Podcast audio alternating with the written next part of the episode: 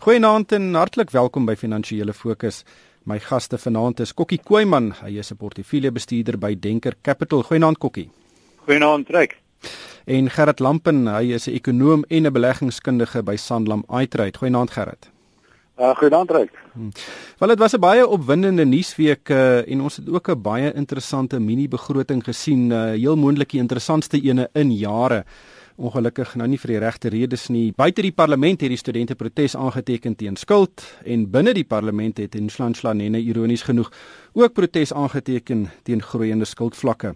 Maar Kokkie, um, ek wil nie te veel uitwy oor die protesoptogte van die studente nie en ek wil meer fokus op wat Nene in die parlement gesê het omdat dit 'n bietjie verlore gegaan het tussen al die skokgranate en die vullisblikke wat omgeskop is. En wat vir my uitgestaan het is dat Suid-Afrika diep in die moeilikheid is. Eh, groeiverwagtings is skerp afwaarts aangepas. Die staatsskuld en die rentebetalings gaan skerp styg uh, en die staat se salarisrekening is besig om 'n meelsteen om die nek te word. Wat het vir jou uitgestaan? Ja, ek meen dis dis redelik duidelik ons begin stadig die pad van Brasilië volg. En uh presies wat jy gesê het, jou jou steeds word groter wordende staatssektor en die salaris wat aan die staat betaal word, het begin uiteindelik nou 'n uh, eh, impak hê op die begroting. En gewoonlik kan jy dit bekostig om dit te doen wanneer jou ekonomie groei, maar sodra as jou ekonomiese groei begin afneem en jy kan dit sien aan die aan die inkomste wat deur belastings gehef word, uh begin onder druk kom dan dan begin dit knyp. En en ek dink die die positiewe wat uit hierdie begroting kom wat Nenny uh voorgestel het is een hy is baie bewus van die situasie. So dit is ten minste nie dat hy met sy kop uh in die wolke rondloop nie. En hy benadruk en beklemtoon die feit dat daar beperkte inkomstebronne is en en dat hulle op hulle self ook uh, uh onder druk is en dat die staat iets van moet doen. En hy verwys na die verkoop van staatsbates. En dit is uh jy weet iets wat vir die regering altyd elke keer voorskrikkerig is en en en eintlik nie almal raak nie want gewoonlik as jy staatsbates verkoop dan is dit hmm. amptenare wat ook daarmee uh hulle werk verloor of of geherrangskik word. Maar ek dink die boodskap wat hy wel deurgebring het is dat hy is bewus van die situasie daar gaan hoër belastings kom en dan moet dan moet weer gekyk word na staatsuitgawes. Of die res van die kabinet daai boodskap gaan aanvaar dis natuurlik jy weet hulle kan miskien knik terwyl ek praat maar of hulle dit gaan uitvoer dit gaan die groot vraag wees. Ja presies ek dink waarna vorentoe gaan kyk is in elk geval meer oorbelasting. Dit ja. is seker. Wel die, die die een van die goed wat ook vir my uitgestaan het gerrit was dat daar 200 miljoen rand was vir die uh, kerringprojek en as ek na die staatsfinansies kyk gaan ons regtig in die binnekort uh, honderde miljarde rande kan bestee op kerringreaktors nie Ja, en en, en behalwe dit is daar nog die uh, nasionale gesondheids uh, ding wat aan die gang moet kom wat nog 'n paar honderd miljard gaan kos. So uh, ek dit is 'n baie moeilike posisie waarin hy is. Ek stem saam met Kokkie, jy weet hy loop nie met sy kop in die wolke nie en dit is daarom verfrissend vandat hy uh, verlede jaar ingekom het. Het hy dan ten minste die regte geleide gemaak en en ek was baie beïndruk met met die dinge wat hy sê en wat hy wil doen jy weet die beperking van staatsuitgawes die uh die cap op uh op nog uh staatspersoneel uh en daai goeders uh maar dan ook soos Kokkie gesê het jy weet uh gaan hy die ondersteuning van die senior mense in die in die uh, party kry en die regering kry wat besluite deur te voer. Alreeds het hulle nou daai publieke sektor uh verhogings toegestaan wat amper 70 miljard rand gaan ekstra kos wat die hele reserve gaan opgebruik. Ehm um, ek dink die groot ding vir my daar was was en dis hoekom die rand verswak het, ek dink is die uh, skerp aanpassings van ekonomiese groei vir volgende jaar na 1.7% toe van 2.4% af en die baie groter uh, begrotingstekorte vir volgende jaar 3.3% teenoor 2.6 wat hulle gehad het en 3.2% vir die jaar daarna teen 2.5. Nou dit is groot aanpassings daai en ek dink dit gaan heel waarskynlik veroorsaak dat uh Fitch in uh in 'n hulle het 'n negatiewe uitkyk. So hulle gaan waarskynlik uh, ons degradeer. Ons gradering afwaarts aanpas om net een kerf bokant uh gemos uh status te wees of hulle sê beleggingsgradering. En uh, die kans bestaan ook seker dat Moody sal aanpas en hy gaan dan uitstaan as die enigste een wat ons twee kerwe bo uh beleggingsstatus het. So daai kans is goed en ek dink dit gaan 'n uh, ongelukkig weer impak op die rand hê. Jy weet ons het nou 'n baie oor swaai gehad van die rand het heeltemal te swak gegaan het na 14 toe. Maar nou as daai goed is gebeur, gaan ons dalk nog nog probleme met die rand sien. So ek is 'n bietjie negatief op die rand op hierdie stadium uh as ons vorentoe kyk na Desember toe. Ja. As ons kyk na die plaaslike ekonomie, een van die ekonomiese aanwysers wat ek nogal fyn dophou is uh, kleinhandelverkope, maar veral van die van die winkelgroepe, ehm um, die Shoprites en die in die Pick n Pays want dit wys vir jou wat mense op die grond doen. En en Kokkie daar was hierdie week gemengde syfers. Ons het baie goeie syfers van ehm um, kliks gesien, maar swakker syfers van Shoprite. En aan die ander kant het ons famous brands wat natuurlik 'n hele klomp kitskos restaurante besit, uh, steers um, en debonairs en die en dis meer. Uh, hulle het 'n baie goeie jaar gehad en uh, hulle gaan in die nuwe boekjaar 140 nuwe restaurante open. Is daar dalk meer aktiwiteit in die ekonomie as wat uh, erken word? Kyk, ek dink ek dink ons leef in in in 'n in 'n twee uh, dele ekonomie, soos hulle in Engels sê amper 'n bipolar daar is 'n deel van die ekonomie, veral die die dienste sektor wat wat besonder goed presteer en wat bly goed presteer. En jy kan dit sien as jy net ek was hierdie week ook weer in Sandton 'n klomp van die van die banke en so en kleiner spelers gaan besoek en jy kan sien daar is net verskriklik baie aktiwiteit. As jy in die aand in Rosebank rondloop en hier in die Kaap ook, dan is die restaurante sit vol en jy weet so ek dink as 'n deel van die ekonomie wat steeds bly goed doen, maar ek dink daar's ander sektore van die ekonomie soos mynbou en so wat natuurlik al daai daai voordele of daai groei wat ons het neutraliseer. En ek dink Shoprite omdat jy weet hy natuurlik nasionaal is en en en baie meer sy omset verkry uit uit die breër laer massa van van die bevolking weerspieël ek dink meer akkuraat wat werklik aangaan.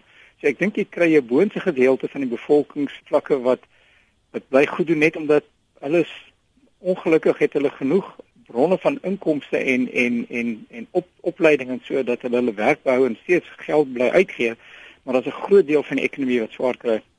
Hmm. Gerard, hoe, hoe lees jy daai situasie?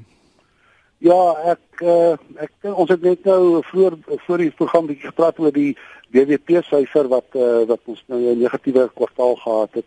Maar as jy as jy kyk na die uh, GDE, uh, gross domestic expenditure, dit was hier 'n plus 1.2%. Nou daar's definitief iets fout in een van die twee uh, syfers. Ehm uh, en dit lyk of dit op die BBP kant uh, kan wees. So definitief ons is nie in 'n resessie nie. Maar jy kan sien in kleinhandelverkope en veral ook in jou motorkarverkope wat 'n baie goeie aanduider vroeë aanduider is van van uh, kleinhandelverkope. Uh, dat dat die ekonomie swaar kry, dat uh, groei waarskynlik hier naby 1.5% uh, is en en dit dit is wat ek dink.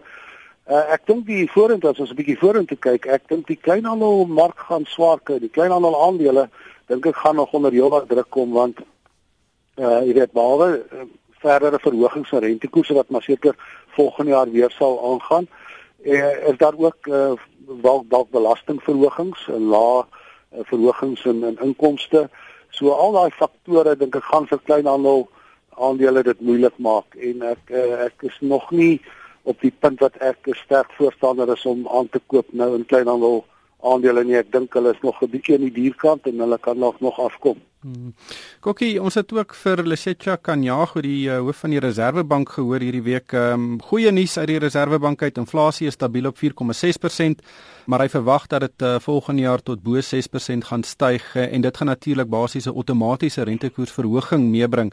Hoe het jy die inflasie ehm um, syfer gelees?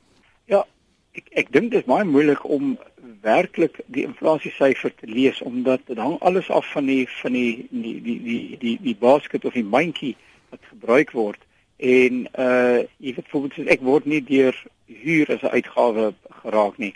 Ehm um, terwyl jy weet huur as uitgawe miskien styg of of petrol so.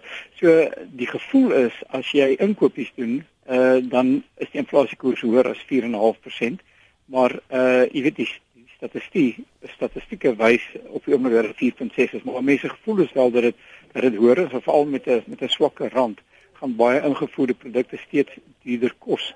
Ek dink die die sein wat hy stuur en dit is verklaar ook is deel van die verklaring hoekom die ekonomie so so pap voel is dat die risiko is met 'n swakker rand uh, dat inflasie gaan deurkom en dat hy gedwing gaan word om rentekoerse te verhoog en en dat die regering ook met al die negativiteit rondom beleidsvorming veroorsaak is dat die sake sektor het nie vertroue voor of genoeg vertroue om nuwe projekte en nuwe projekte te belê nie. So jy het nie werkskepping nie. En so jy weet op die oomblik eh, dink ek is is mense met kapitaal en buitelanders ook wat wil inkom staan almal terug en wag. Uh, en en ek dink dit is 'n ekonomie pop is en daar is nie vertroue om om nuwe projekte aan te pak nie. Hmm.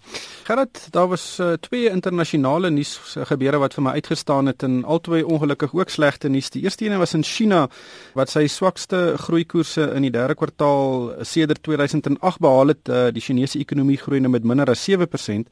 En toe het Mario Draghi, hy's natuurlik die hoof van die Europese sentrale bank, ook eintlik verras toe hy gesê het hy gaan nie skroom om rentekoerse in Europa te verlaag nie en dat hy die uh, kwantitatiewe verruimingsprogram daar sal versnel, um, juis om ekonomiese groei daar te stimuleer. Uh, hoe raak dit ons?